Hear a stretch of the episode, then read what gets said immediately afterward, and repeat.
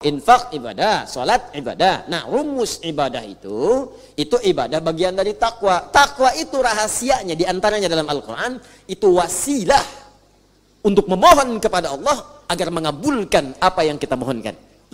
Itu rumus. Tadi rumusnya di Al-Ma'idah ayat ke-35. Ya ayyuhalladzina amanu, hai orang-orang telah beriman kepada Allah, ittaqullah, coba kamu tingkatin tuh takwanya. Deketin Allahnya. Anda pengen harta, yang punya harta itu Allah. Karena itu disebut Ar-Razzaq. Kenapa Anda nggak dekati Allah yang punya harta itu? Anda pengen ilmu, yang punya ilmu Allah Al-Alim. Kenapa nggak Anda dekati Allahnya yang punya ilmu? Kan rumusnya begitu. Orang yang punya kita dekati supaya dapat bagian dari apa yang ia punya. Allah punya segalanya, dekati pemiliknya supaya ia membuka kepada Anda segala pintu kemudahan dia. Bagaimana jalan mendekat kepada Allah? Ittaqullah tingkatkan takwa ibadah. Makanya orang dulu itu banyak yang ibadah, pasca ibadah dia memohon kepada Allah. Bahkan saat sedang ibadah minta. Itu Nabi Zakaria kan punya anak Yahya minta dalam ibadah. Belum selesai ibadah udah dikabul.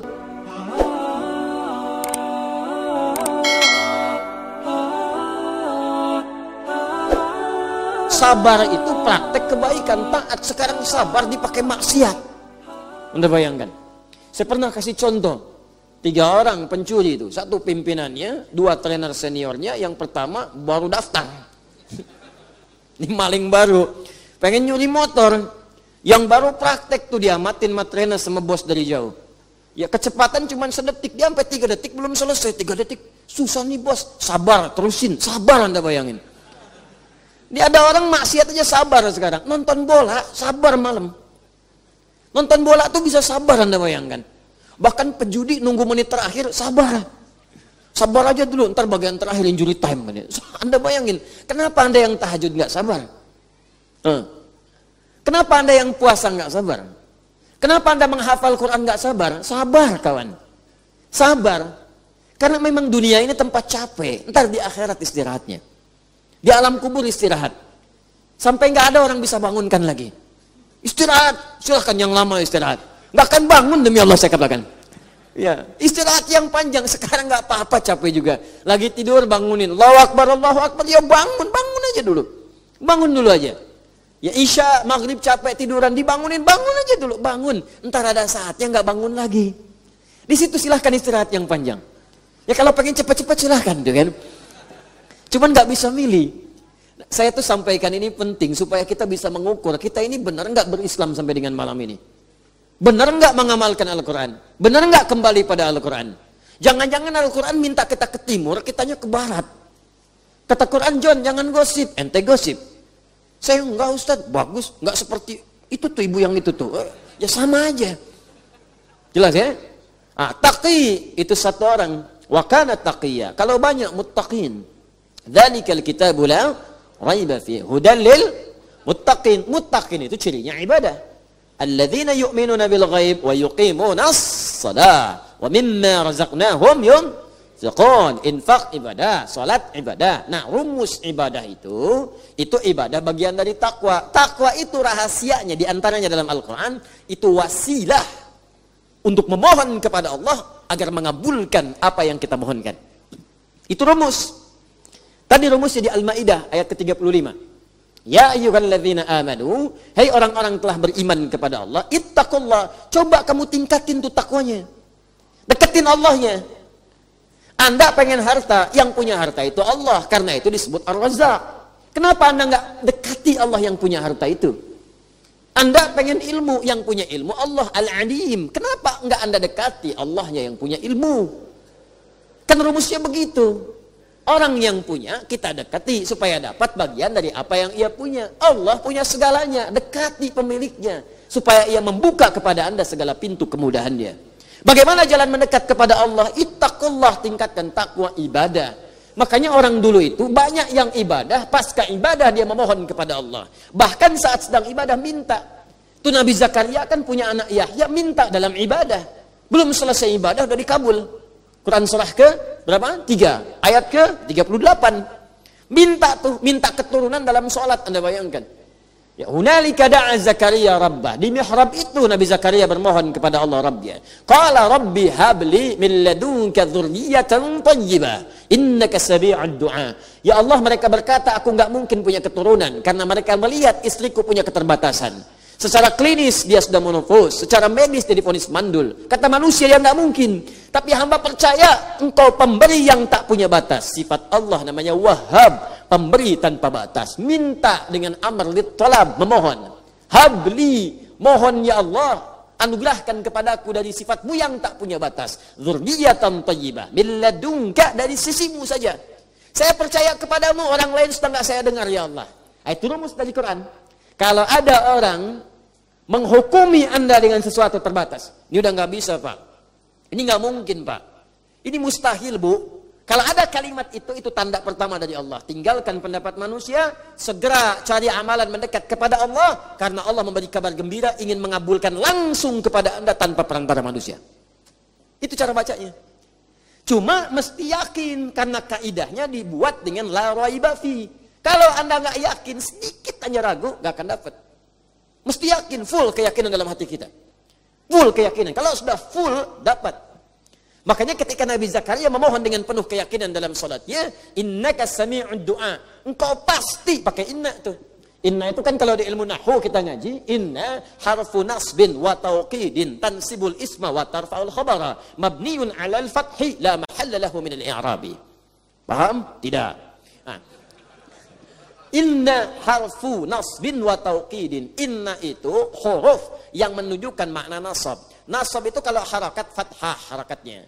Tapi di ilmu bahasa nasab itu menancapkan sesuatu dengan kuat.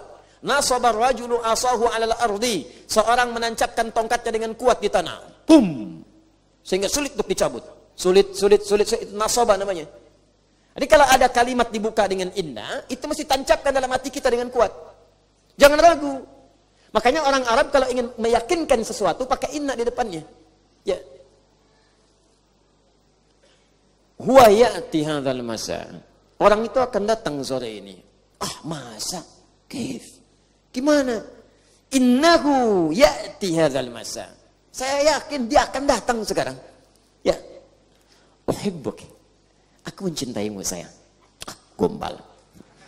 Inni uhibbuk ya inna sungguh Ina, aku mencintaimu. Namanya Ina misalnya. Ya. Inna, ini, ini, sungguh aku. Ini uhibbuk ya ummi. Saya mencintaimu ibu. Ini uhibbuk ya abi. Aku mencintaimu ayah. Fa'idha ihfadal Quran. Kalau engkau cinta denganku ya anakku, hafalkan Quran supaya engkau berikan mahkota padaku di hari kiamat. La ahtaju bi Ferrarika, wala bi Lamborghinika, wala bi Lamborghituka. Wa innani asyakku hubban wa ashtaqu mahabbatan lil husuli tajil Quran. Sungguh aku nggak butuh dengan Ferrarimu. Sungguh aku tidak butuh dengan Lamborghini-mu, juga Lamborghini-mu. Yang aku inginkan, engkau berikan mahkota dengan tanganmu yang aku rawat sejak kecilmu di hari kiamat saat aku kembali kepada Rabb kita semua. Katakan itu dalam setiap mau tidurnya. Bisikan di telinganya. Sehingga itu terngiang dalam benaknya dan masuk ke dalam jiwanya. Dan Anda akan merasakan kebahagiaan tertinggi bahkan sejak ia menghatamkan Al-Qur'annya. Sebelum Anda berpulang kepada pencipta kita Allah Subhanahu wa taala. Sujud Anda syukur. Betapa saya lihat, saya sering terharu kalau lihat anak-anak sedang karantina selesai, ibunya datang, bapaknya datang, semangat disupport itu. Habis itu ada yang telepon, ada yang nangis, ada yang macam-macam. Itu itu baru di dunia, apalagi di akhirat nanti. Apalagi di akhirat. Muliakan diri anda dengan kemuliaan dari Allah subhanahu wa ta'ala. Wabtagu ilaihi wasilah. Cari wasilah. Dengan takwa. Ini saya sering dapatkan nih banyak kertas masuk. Mungkin ribuan kertas masuk itu. Masuk, masuk, masuk, masuk. Masalah semua. Masalah semua. Jadi, ya saya ini memang objek masalah. datang, datang, datang. Alhamdulillah.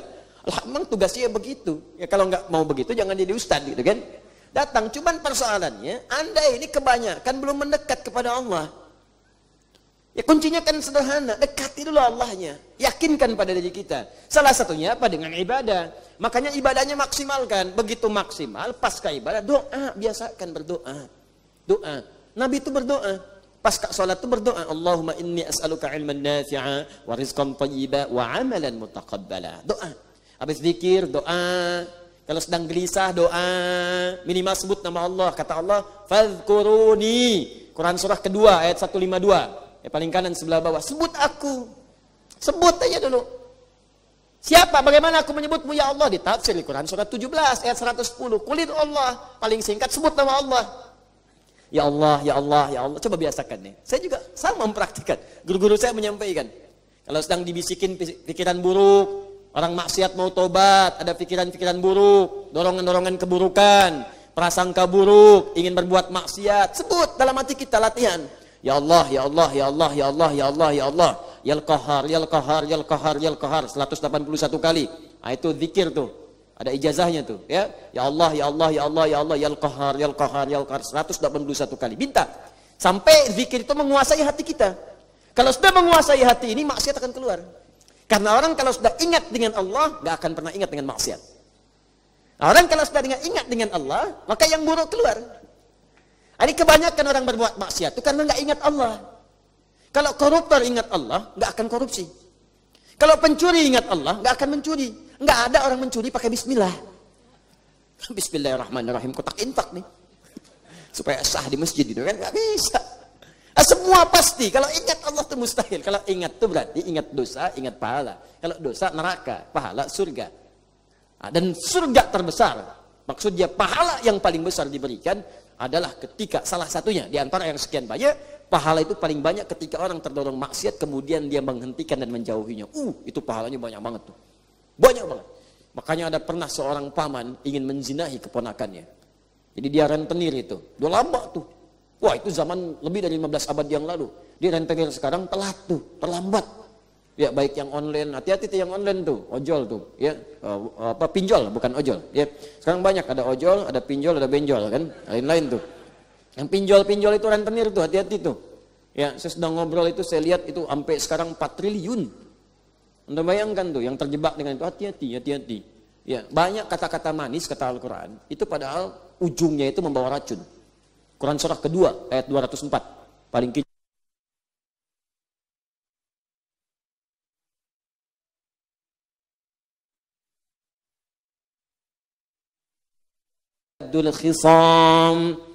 Anda akan temukan sebagian dari manusia. Kalau berbicara kata-katanya cantik, kalimatnya menarik, kalau iklan itu begitu memikat hati, ya ajakan-ajakannya bagus, wa ala qalbi, sebagian bahkan ada yang menyebut-nyebut Allah, orang dibelar potong-potong ayat Al-Qur'an, ada yang bawa-bawa hadis tapi maknanya diselewengkan, bikin tulisan-tulisan ilmiah, gitu kan? Karya ilmiah tapi isinya menyelewengkan makna-makna firman Allah. Hati-hati. Itu berbahaya ujung-ujungnya kata Allah penuh dengan penderitaan. Di dunia apalagi di akhirat. Hati-hati, pasti muaranya itu penderitaan di ujungnya. Ya, jadi biasakan berdoa mohon kepada Allah Subhanahu wa taala.